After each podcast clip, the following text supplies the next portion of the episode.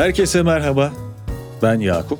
Öğretmenin sesini sizlerle buluşturduğumuz podcast serimize hoş geldiniz. Bu podcast serisinde öğretmenleri konuk alıyor ve onların ilham veren işlerine, uğraşlarına, e, mesleki deneyim ve birikimlerine daha doğrusu ve daha öz ifadeyle öğretmenin sesine kulak kabartıyoruz. E, bugün de yine bir öğretmen konuğum var. Birazdan kendisini daha yakından tanıyacağız ama öncesinde bugün odaklandığımız meseleden ve konumuzdan söz etmek istiyorum. Sonra sözü Ferda Hoca'ya bırakacağım. Eğitimin bireyin topluma hazırlanma sürecindeki önemli kültürlenme alanlarından birisi olduğunu biliyoruz. Birçok araştırmada bunu destekler nitelikte. Okul ve eğitimse içinde bulunduğumuz toplum ve toplulukların kültürlerini tanımak, kültürel miraslarıyla tanışmak ve o çeşitliliği kutlamak için bir alan oluşturuyor, bir alan sunuyor bizlere. Bir çeşitlilik hikayesi olan ve tarih boyunca sayısız farklı topluluğu kucaklamış olan Anadolu, kültürel miraslarıyla çeşitliliği kutlarken daha kapsayıcı bir eğitimi mümkün kılmak olmak ve bir arada yaşam kültürünü toplumda korumak, bir arada yaşam pratiklerini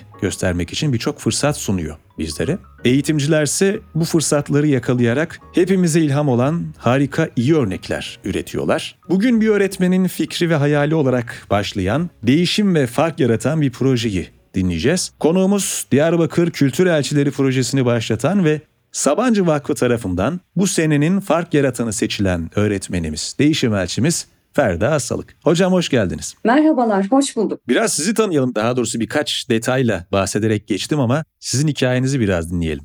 Merhabalar, ben tarih öğretmeniyim. Diyarbakır'ın Silvan ilçesinde doğdum. İlk kez köy okulunda birleştirilmiş 3 sınıfla başladığım öğretmenlik mesleğimde bu yıl 20. yılı. Farklı köylerde ve ilçelerde sınıf öğretmenliği yaptıktan sonra kendi branşım olan tarih öğretmenliğine geçtim. Bugün en iyi çalışma arkadaşlarım olan öğrencilerimle bilimsel, sanatsal ve kültürel konularda toplumsal farkındalık ve değişim için birçok alanda çalışmalar yapıyorum. E, görev yaptığım aynı zamanda memleketim olan Diyarbakır biliyorsunuz kadim bir şehir ve medeniyetlere başkentlik yapmış. Bir bakıma hak ettiği tanınırlık seviyesine ulaşması gençlerin şehirlerin tanıtımında paydaşlardan biri haline gelmesi için öğrencilerim ile gönüllü tanıtım çalışmaları yapıyoruz 2016'dan beri. Geliştirdiğim tarihi mekanlarda akran rehberliği modeliyle şu ana kadar 850 kız öğrenci şehrimizin kültürel mirasını yüz yüze ve çevrim içi tanıtımlarla on binlerce kişiye ulaştırdı. Şehrimizin kültür elçisi olmaları ve bunu yaparken kendilerine olan güvenlerin artması ve toplumda farkındalık oluşturmaları da beni çok mutlu etti ve halen devam eden projemiz 9 ilde ve Polonya'da uygulanmaya devam etmekte. Şahane hocam. Bu girizgahta bahsettiğiniz detaylar bile bir heyecan uyandırıyor, merak uyandırıyor. Kendi adıma çok memnunum. Sizi konuk aldığımız için burada e, duyacağım detaylar eminim beni bir mutlu edecek, e, meraklandıracak. Bir yandan birçok dinleyenimizde de merak uyandıracağına eminim. Şimdi farklı kültürlerle temas etmek çok değerli bir mevzu. E, işte bir arada yaşam kültürü için e, başta oldukça değerli bu. Bunun için de e, çok uzaklara gitmeye gerek yok işte Anadolu, Mezopotamya e, içinde barındırdığı çokça farklı topluluk ve tarihi geçmişle farklı kültürlerle temas için çokça fırsat barındırıyor. Bize çokça örnek sunuyor. Sizce bu çeşitlilik ve tarihi zenginlik Türkiye'deki eğitimi nasıl etkiliyor? Bu çeşitliliği okullarda ve sınıflarda nasıl konuşuyoruz? Şöyle söyleyeyim Anadolu toprakları tarih boyunca birçok topluluğa, birçok farklı topluluğa ve medeniyete ev sahipliği yapmış. Bu medeniyetlerin ve kültürlerin ortak paydası ne? Ya ortak bir tarih, ya ortak bir coğrafya ya da din veya inanç ile birbirine mutlaka bağlı. Kültürel miras işte dediğimiz sadece yemek, kıyafet, sanat ve tarih mekandan ibaret değil aslında. Tutum ve davranış tarzıdır aynı zamanda. İşte toplumun ürettiği bu değerleri yeni nesillere aktarma olayı eğitimdir. Örneğin biz öğrencilerimle tarihi mekanı ele alırken mesela sınıfta ya da tarihi mekanda sadece bunun mimari yönüyle ilgilenmiyor ve bunu sadece anlatmıyoruz. Şöyle yaptığım literatür araştırmaları çalışmalarında gördüm ki her medeniyet aslında öncelikli olarak kendi değerlerine göre yapılar inşa ediyor şehirlerde. Bu manada şehirler yalnızca maddi yapılar şeklinde değil, değerlerin, inançların vücut bulduğu mekanlar olarak algılamak gerekir. Aslında bu manada tarihi mekanlar bile değerler eğitimi açısından başlı başına bir okul. Örneğin Diyarbakır'a yolunuz düşerse göreceksiniz ki camiler var. Birkaç metre ötede kiliseler vardır. Bu bize hoşgörü ve saygı değerinin işaret ediyor aslında. Kervansarayları biliyorsunuz ticareti geliştirmek için yollar üzerinde yapılan yapılardır. Üç gün, üç gece ücretsiz kalınabiliyor. Ancak bunun temelinde yöre halkının cömertlik ve misafirperverlik değeri de vardır. Vakıflar işte ihtiyaçları karşılamak için yardımlaşmanın bir nevi kurumsallaşmış haliyken Anadolu bir vakıf cennetidir. Bu bize neyi gösteriyor? Aslında kültürümüzde yardımlaşma kültürünün ne kadar kök saldığını. Biz el sanatlarını tanıtırken sabır değerini vurguluyoruz. Biz bu kültürel çeşitliği sınıflarda evet konuşuyoruz ve yaptığımız tanıtımlara camideki imam da kilisedeki din, din adamı da gönülden destek veriyor. Ben şunu düşünüyorum. Kültürel çeşitliliği kutlamak için sınıf duvarlarını aşmak lazım. Pandemiyle hayatımıza geçen e, Zoom var, uzaktan eğitim var. Biz bunu etkin bir şekilde kullandığımıza inanıyoruz. Kültür elçileri buluşmalarımız vardır biz. Türkiye'nin farklı yerlerinde kültür elçileri var. Trabzon'dan, Sivas'tan, Kayseri'den. Onlarla e, canlı buluşmalar yapıyoruz öğrencilerimizle. Kimi zaman mutfaklardan babaanneler, anneannelerle yöresel yemekler etkinlikler yapıyoruz. Kimi zaman tarihi mekanlarımızdan canlı tanıtımlar yapıyoruz. Kimi zaman türküler yükseliyor e, okullardan, evlerden. Örneğin Suzan Suzi türküsü Trabzon'da yankılanırken horonları biz alkışlayarak eşlik ediyoruz.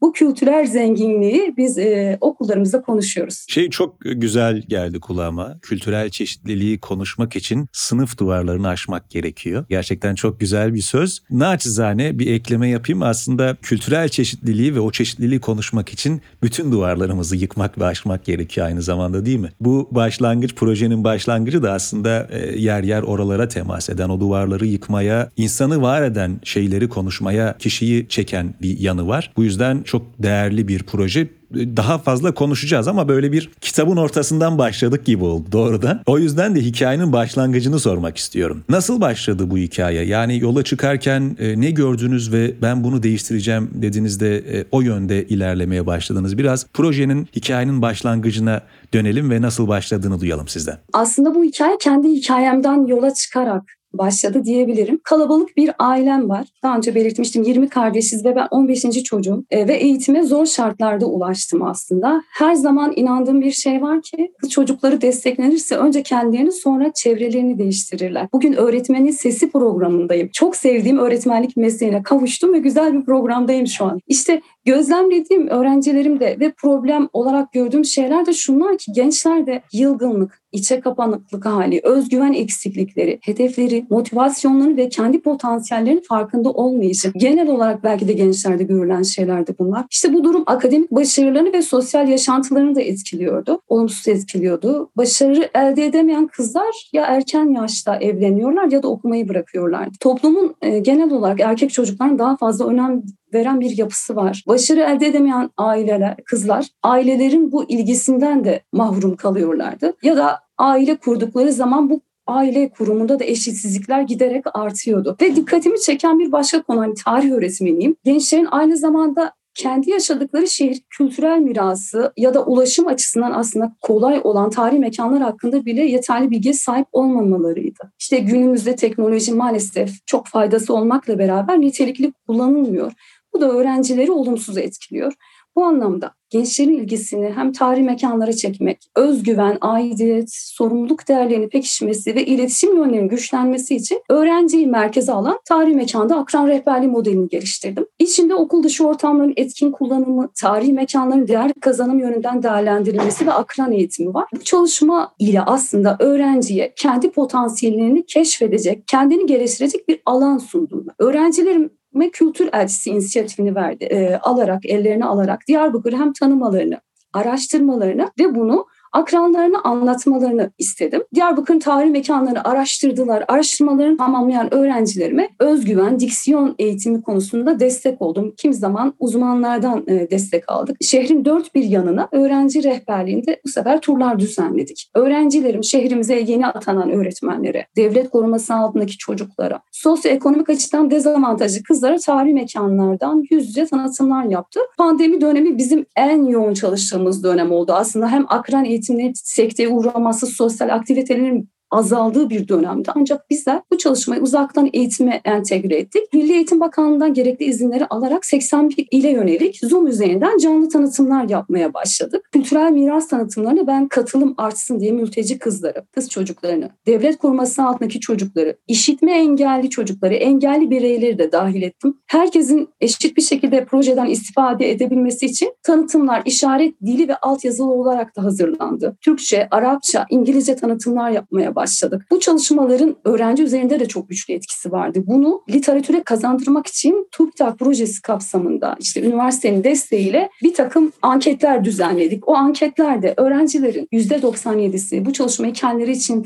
yararlı bulduğunu ve sorumluluk, özgüven, milli manevi değerler gibi duyguların pekiştiği sonucuna da ulaşıldı. TÜBİTAK'tan öğrencilerim derece aldılar ve şu şekilde var olan bilgilerini lise öğrencilerinin danışmanlığında hazırlanan Kültürel Mirası Öğreniyorum Diyarbakır adlı kutu oyunuyla Türkiye'nin kültürel miras öğreten teknoloji destekli ilk kutu oyunu olarak literatüre geçti hazırladığımız kutu oyunu. Oysa okulum sınavsız öğrenci alan, LGS yüzdeli oldukça düşük bir öğrenci profiline sahipti. Öğrencilerimi belki bir bilimsel çalışmaya dahil edemezdim daha önce. Ama şu anda başarı duygusu ve özgüvenle birçok farklı alanda başarılar elde ettiler. Mesela öğrencilerimden ilk, ilk Nur açık açık ailesinin yanında da söylüyor. Ailem erkek çocuklarına daha önem veriyordu. Ailemdeki bu tabuları yıktım. Neler başarabildiğimi gördüler. Batman'a tek başıma gittim öğretmenim diye e, sevincini benimle paylaştı. Aleyna diye öğrencim işte ilk defa bir işe yaradım hissettim. Herkes beni soruyor demesi hem beni üzdü, duygulandırdı. Farklı duygular yaşadım. Çalışmada özellikle 2016 yılından beri olan bu çalışmada aktif rol alan öğrenciler bugün Siyasal Bilimler Fakültesi, çeşitli öğretmenlik branşlarında ve hukuk fakültesinde şu anda okuyorlar ve bu projede e, bulundukları yerlerde de lider projelerde yer alıyorlar. Biraz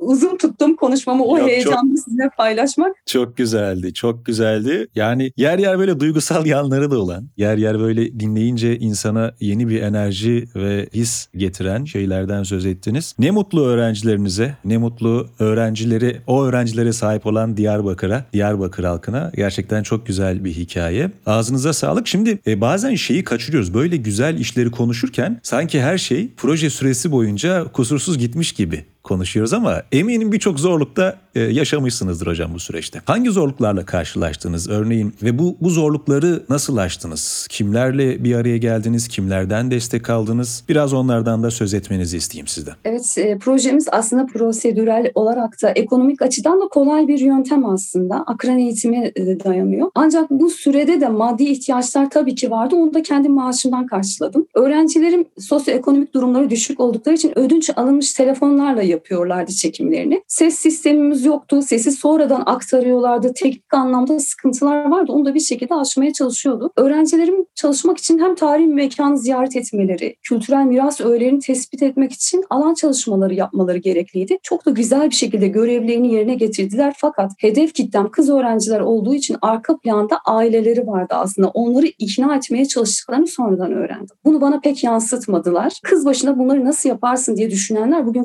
kızlarımızı gönülden destekliyorlar. Öğrencilerim şehir dışına evet çıktılar ama ilk defa şehir dışına çıkışları ulusal ödül almak için oldu. İstanbul'da, Ankara'da Milli Eğitim Bakanlığı'nın başarılı örnekler sergisine dahil oldular. Malatya'da TÜBİTAK bilimsel sunumu için gittiler. Velileri ikna eden yine öğrencilerin başarıları oldu. Aileler zaten kızlarındaki gözle görülür değişimi fark ettiler. Destekleri de arttı ve bugün ben kültür elçilerimin anneleriyle daha çok samimiyim. Bir WhatsApp grubumuz var. 240 anneden oluşuyor. Onları ülkemizin önde gelen sivil toplum kuruluşları ve akademisyenleriyle buluşturuyorum belirli aralıklarla. Yüz yüze ve online eğitimler aracılığıyla yapıyorum bunu. İklim değişikliği ve sürdürülebilir yaşam eğitimleri alıyorlar. Anneler iklim değişikliğinde mücadelede yerini aldılar ve bir kültür elçisi annesi benim kızım geçmişi kültürel mirası koruyor. E ben de onun bugününü ve geleceğini koruyorum demişti gururla. Bu beni çok mutlu etmişti. Bir de bu çalışmaları yaparken bazı meslektaşlarımdan da eleştiriler alıyordum. Bu çaban niçin, neyi değiştirebilirsin ki? Şeklinde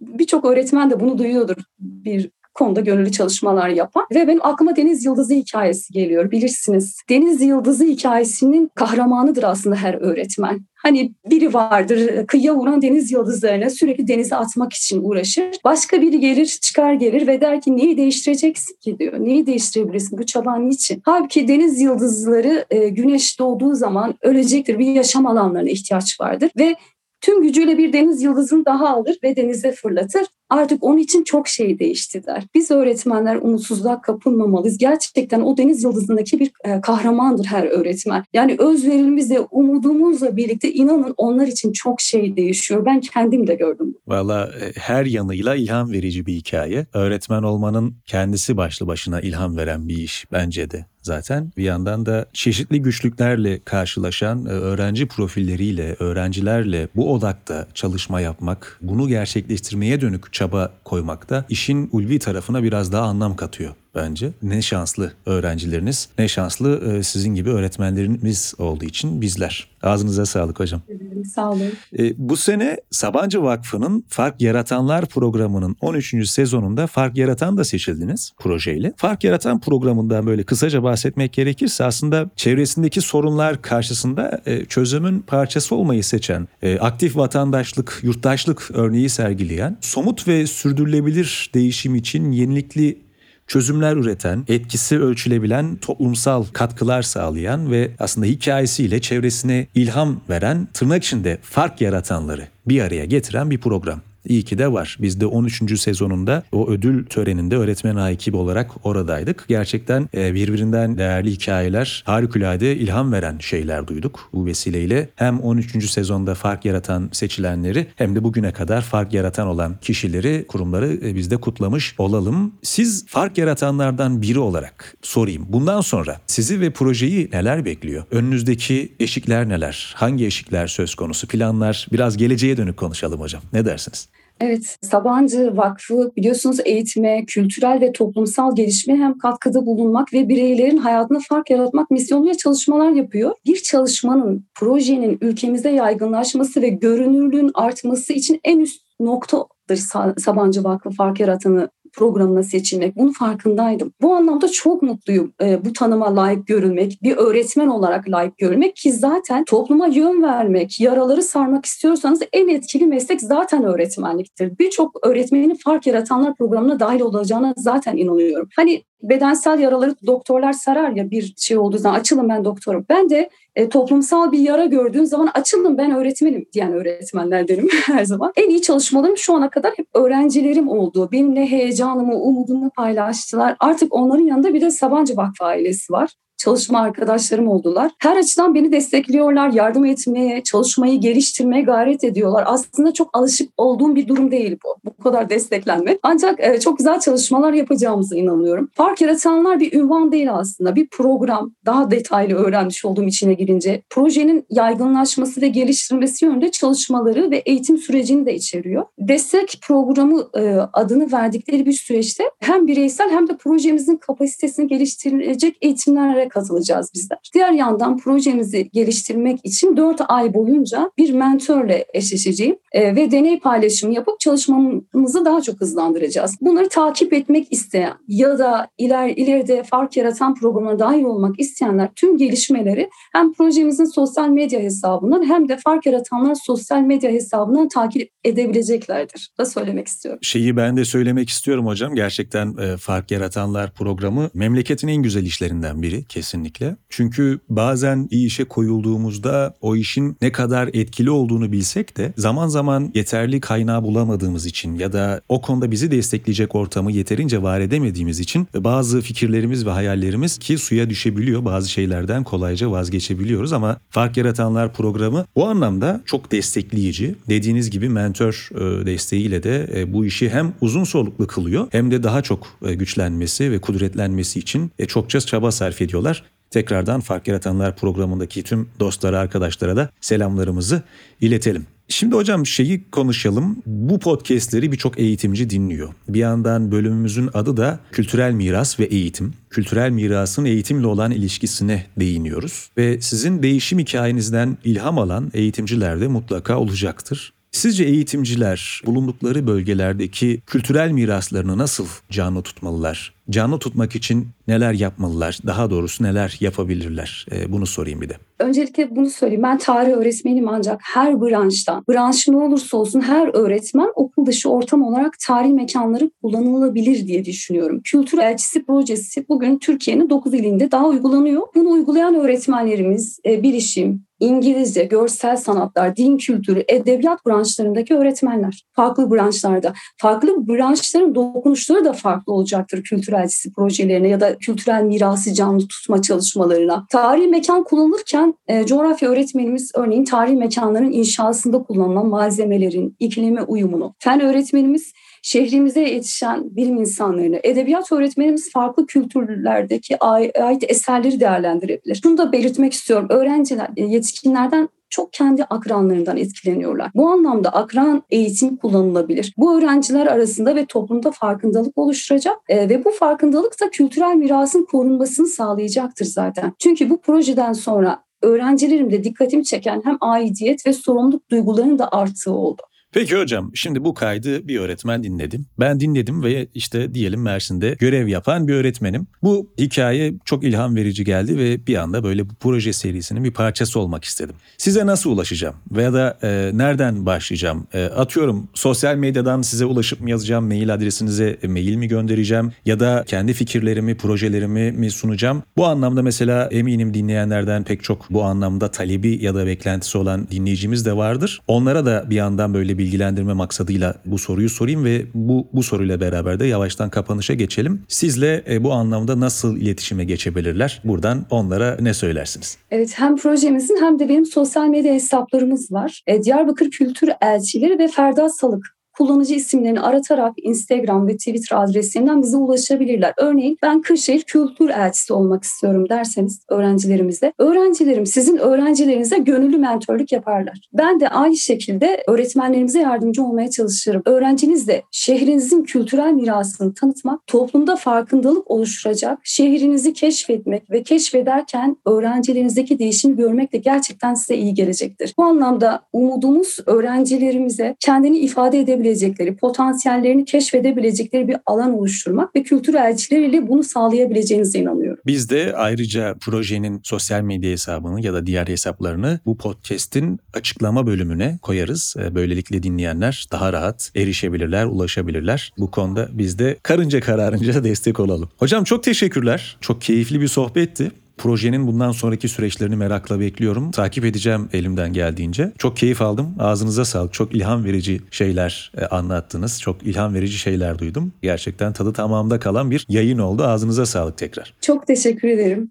Ee, bu programda öğretmenin sesini bütün öğretmenlere duyurduğunuz için çok sağ olun. Amacım zaten sesimi duyurabilmekti. Bu da güzel bir platform oldu benim için. Dinleyen herkese sevgilerimi ve saygılarımı da iletmek istiyorum.